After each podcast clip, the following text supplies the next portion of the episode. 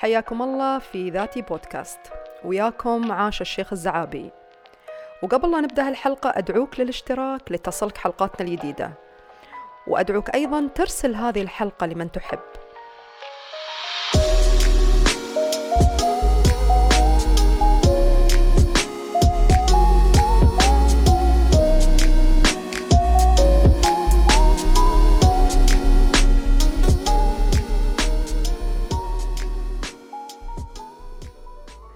الموضوع اللي بتكلم عنه اليوم هو موضوع الاتزان في الحياة. طبعا موضوع الاتزان في الحياة هو موضوع مش جديد ووايدين تكلموا عنه. لكن ربما أنا اليوم أحتاج أني أكون أكثر اتزانا بسبة الظروف اللي نمر فيها في هذه الفترة. طبعا الاتزان في الحياة يعني أنك أنت تحيا بطريقة أفضل تفهم نفسك بطريقة أفضل وتتعامل بعد مع تحديات الحياة بصورة أكثر اتزانا بعيد عن الانفعالات اللي قد تكون كثيرة أو قد تكون عشوائية. فالاتزان في الحياة اليوم يعني أنك أنت توازن بين احتياجاتك الداخلية وأيضا احتياجاتك الخارجية. طيب يا ترى شو الفرق بين الاحتياجات الداخلية والاحتياجات الخارجية؟ احتياجاتك الداخلية بكل بساطة هي احتياجات عقلك واحتياجات قلبك والاحتياجات الصحية. أما بالنسبة لاحتياجاتك الخارجية فهي احتياجات العمل آه، الحياة الاجتماعية العائلة الاستمتاع في الحياة. وهني يوم نتكلم عن الاحتياجات الداخلية والخارجية طبعا نقصد أن يكون هناك توازن يعني بحيث أن ما يطغى آه، جانب على الآخر. فاليوم ما ينفع اني أنا أركز على نفسي من الداخل وأقول خلاص أنا بنسى العالم. أنا ما أريد ما أريد أي إزعاج من العالم الخارجي ما أريد آه، أي حد آه، مثلا آه، يشوش علي خططي اليومية وأحاول إني أنا أنسى العالم الخارجي. هذا جدا صعب. وفي نفس الوقت ما ينفع بعد إني أنا أركز على العالم الخارجي وأنسى نفسي. لأن في النهاية أنا بتعب. إذا فالاتزان في الحياة هو الانسجام، هو التناغم مع حياتك، مع ظروفك، مع متغيراتها، وقدرتك على أنك أنت تحافظ على استقرار نفسي، وفي نفس الوقت استقرار جسدي، واستقرار نفسي وجسدي يكون جميل. هو يعني إذا بني نتكلم عن الاتزان هو شعورك بالهدوء، هو شعورك بصفاء الذهن، آه وبالتالي إذا قدرت أنا أحقق يعني صفاء داخلي للذهن بقدر أصنع اختيارات أفضل في الحياة لأن ببساطة الطريق بيكون واضح بالنسبة لي. وبالتالي آه، بيكون عندي حماس أن أنا أمضي في طريق حياتي. والسؤال اليوم كيف أقدر أحقق التوازن في الحياة برغم الظروف والتحديات المحيطة فيني؟ ومثل ما تعرفون إحنا محاطين تحديات كثيرة. تحديات سياسية اقتصادية اجتماعية عائلية نفسية. لذلك إحنا نتعرض لضغوط طول الوقت وما نعرف كيف نتعامل مع هذه الضغوط. ولأن ما نعرف كيف نتعامل مع هذه الضغوط يصيبنا التوتر ويصيبنا القلق. نعيش في حالات من الندم على مواقف حدثت في الماضي. تصيبنا حسرة. يا ريتني تصرفت بالطريقة الفلانية يا ريتني آه، قلت الكلام الفلاني. بالإضافة إلى ذلك يصيبنا أيضا خوف من المستقبل ويصبح عندنا عدم ثقة في قدرتنا على تحقيق ما نتمنى. وقد نكون أيضا محاطين بأشخاص يعانون من نفس الضغوط نفس الضغوط اللي إحنا نعاني منها. فبالتالي هذه الأشخاص بيكون عندهم أيضا توتر وقلق وخوف من المستقبل. نحن أيضا محاطين بإشعاعات ضارة وهالإشعاعات الضارة آه، مش بس تأثر على أجسادنا ولكن تأثر على نفسياتنا.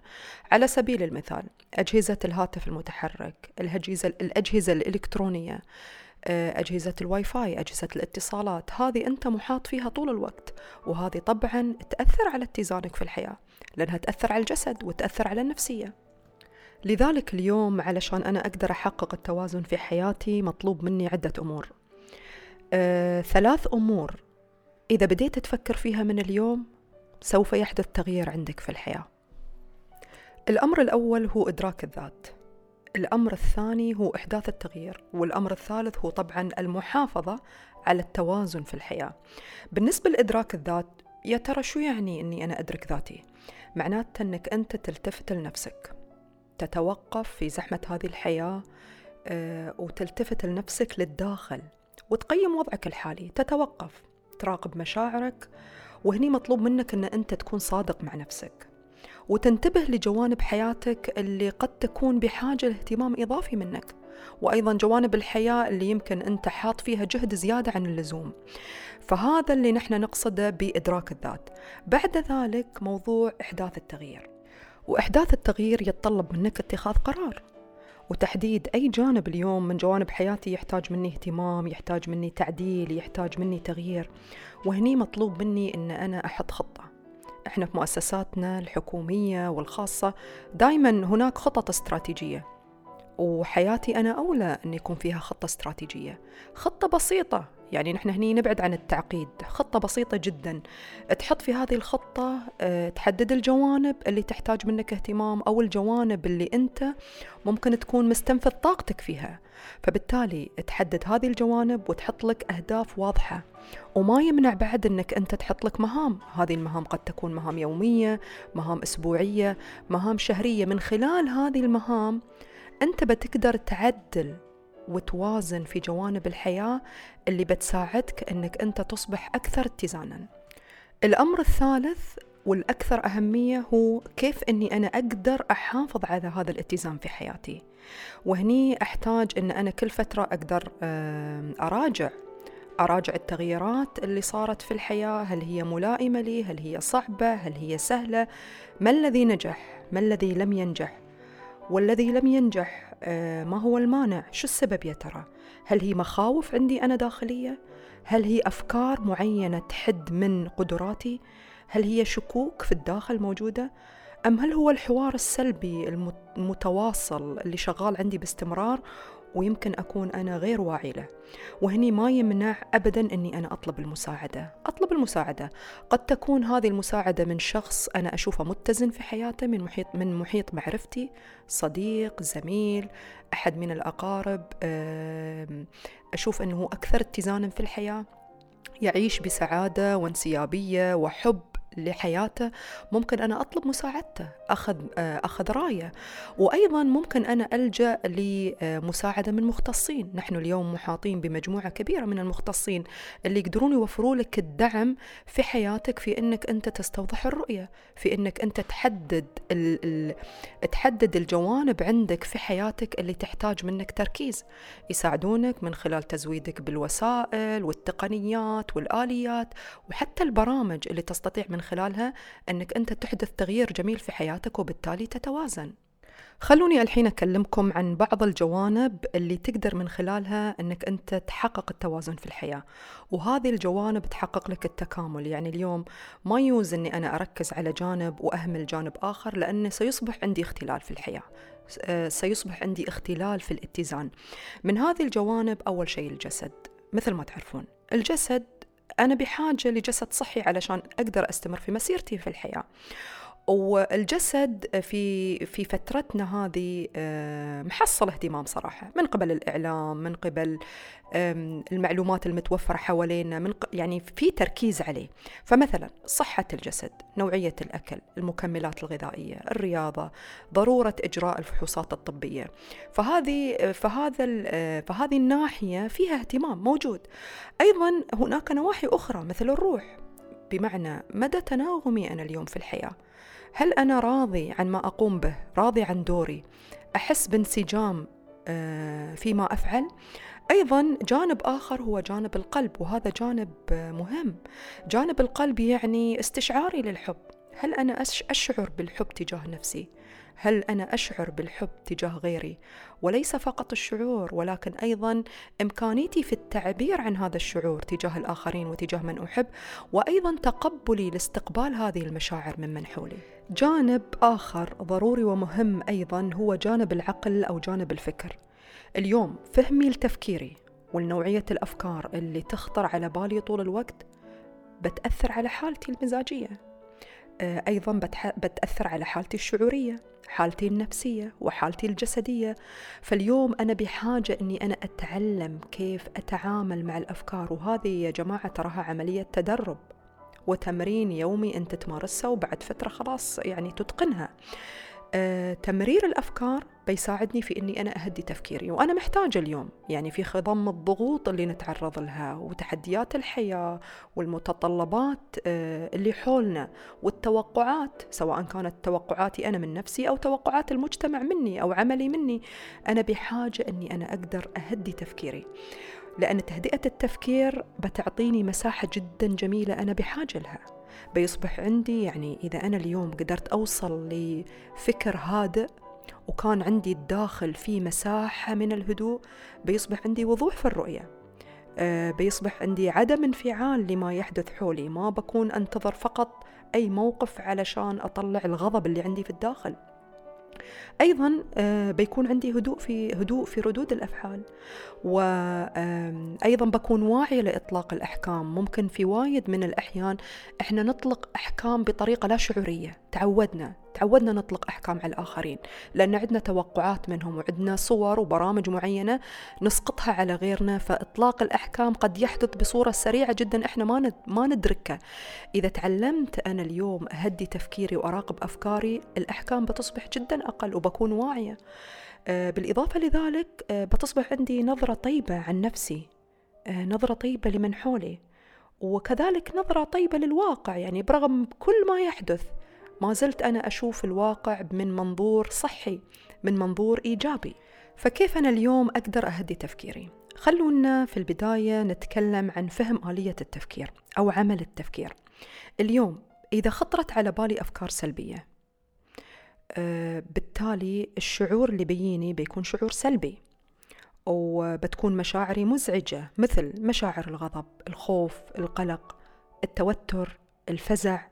الاستياء عدم الثقة في النفس. وهذه المشاعر بتخلي ترددات جسمي تكون ترددات منخفضة. والترددات المنخفضة هذه بتسبب لي ضعف نفسي بتسبب لي ضعف جسدي وبتخليني أتعامل مع مختلف جوانب حياتي بسلبية كبيرة. واللي يحدث أن الفكرة تغذي الشعور والشعور يغذي الفكرة. الفكرة تغذي الشعور فكرة سلبية تغذي شعور الغضب مثلا وشعور الغضب يرجع يغذي الفكرة فتتكاثر أفكار من نفس النوع.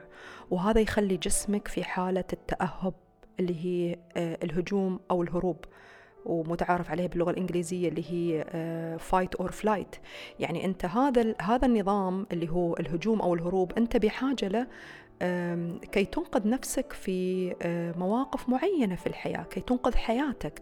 فأنت تخيل لأنك مركز مع هذه المشاعر طول الوقت أنت قاعد تفعل نظام في جسمك أنت مش بحاجة له.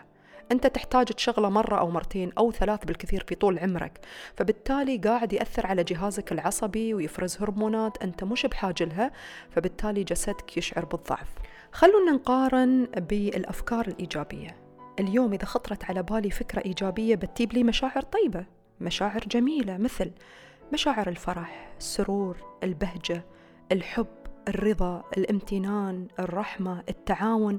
هذه المشاعر تردداتها جدا عالية ومرتفعة فبالتالي ترددات جسمي بتكون عالية ومرتفعة وبشعر بالقوة. بشعر بالقوة النفسية بالقوة الجسدية. التعاطي عندي مع الحياة مع الآخرين بيصبح بكل حب وانسجام. تتذكرون في بداية الحلقة آه، ذكرت لكم أن هناك ثلاثة أمور علشان أنا أقدر أحقق التوازن في الحياة. أولها هو إدراك الذات. وقلنا أني أنا بحاجة أني أنا أتوقف أتوقف في هذه الحياة وأنظر للداخل وأقيم نفسي. وأفضل وسيلة متاحة حاليا لتحقيق ذلك هي التأمل. التأمل بحيث أن يصبح التأمل جزء من روتينك اليومي. طبعا الوضع المثالي للتأمل هي ساعة واحدة في اليوم. آه، فتحاول على قدر الإمكان أنك أنت حتى لو قدرت تقسم هذا الوقت إلى آه، قسمين فنص ساعة في النهار نص ساعة المساء ولكن تلتزم فيه. فيصبح جزء من من حياتك من ال life style مثل الرياضة مثل أي فعالية أنت تدخلها في حياتك وتستمر عليها. وفي تمرين بسيط وجميل وقوي جدا آه، حابة إنكم تسوونه. آه، بيكون لبودكاست خاص اسمه تأمل الطوارئ. جرب هذا التمرين آه، بتحتاجه بيفيدك. أنا شخصيا أطبقه وجربته مع العديد من العملاء وجدا كان رائع.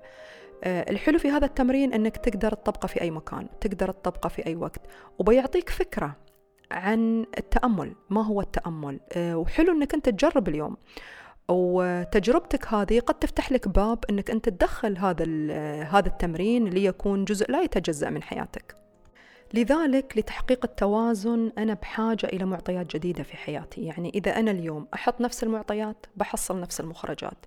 إذا اليوم أنا أطمح في نتائج مختلفة وأطمح في شخصية مختلفة وأطمح في حياة مختلفة إذا هناك معطيات مختلفة يجب علي أني أنا أدخلها في حياتي. وقد تشمل عادات جديدة سلوكيات جديدة أفكار جديدة تمارين جديدة أفعال جديدة مثلا القراءة حضور الفعاليات الندوات الدورات التدريبية آه، الحصول على معلومات آه، مخالطة أشخاص واعين الاستفادة من تجارب الآخرين. أتعلم كيف أكون حاضر. يعني نحن اليوم تكلمنا عن جزئية التأمل جزئية بسيطة جدا ولكن هناك وسائل عديدة إن شاء الله أن إحنا نغطيها في حلقات قادمة. بتساعدني أني أنا أكون أكثر اتزانا في الحياة. اتزانك في الحياة وراحة بالك هي مسؤوليتك مسؤولية بحتة. يعني اليوم وايدين منا يعلقون بهجتهم وسرورهم وسعادت وسعادتهم. بتواجد أمور معينة يعني مشروطة اليوم. أنا اليوم إذا آه مثلا الشخص الفلاني حبني فأنا سوف أشعر بسعادة. إذا فلانة أو فلان رضى عني فسوف أشعر بسعادة. وهذا شيء غير مضمون. وحتى لو كان تحقق فاستمراريته مش بيدك. آه لذلك آه مثل ما قلنا اتزانك في الحياة هي مسؤوليتك. ولن تتحقق بحصولك على أمر مادي لأن الشعور اللي بيجيك من وراء الأمر المادي هو شعور مؤقت. صح أنه شعور جميل يشعرك بالرضا والسرور لكنه مؤقت. بيختفي بعد فترة وبتبدأ تبحث عن أمر ثاني يرد يعيد لك نفس المشاعر. هناك العديد من التقنيات المتاحة حولنا في هذه الأيام منها التأمل منها التنفس التأملي وهي تقنية جدا قوية وفعالة آه، تتحرر فيها من آه، مشاعر معينة مشاعر معينة مزعجة طبعا من صدمات حدثت لك في الماضي وتغير فيها أيضا أنماط التنفس اللي هي أنماط التنفس الحالية اللي عندك قد تكون مرتبطة بشيء حدث لك في الصغر وأنت غير واعي لهذا الأمر. في نهاية الحديث آه، اللي أحب أوضح لكم إياه أن الحياة ستظل جميلة برغم كل التحديات اللي اليوم إحنا نمر فيها. برغم آه، رضانا أو عدم رضانا عنها. والتحديات اللي نمر فيها اليوم هي جزء من رحلتنا علشان الروح تنمو وتتعلم وتصبح أكثر فائدة في وجودنا على هذه الأرض. ونصبح أيضا أكثر تناغما ونقدر نكمل طريقنا. نقدر نكون إحنا متزنين ونساعد الآخرين أيضا علشان يعيشون بطريقة أفضل. لذلك ضع خطتك اليوم. خطة التغيير. خطة أني أنا أصبح أكثر اتزانا في هذه الحياة لأنك ببساطة تستحق حياة طيبة.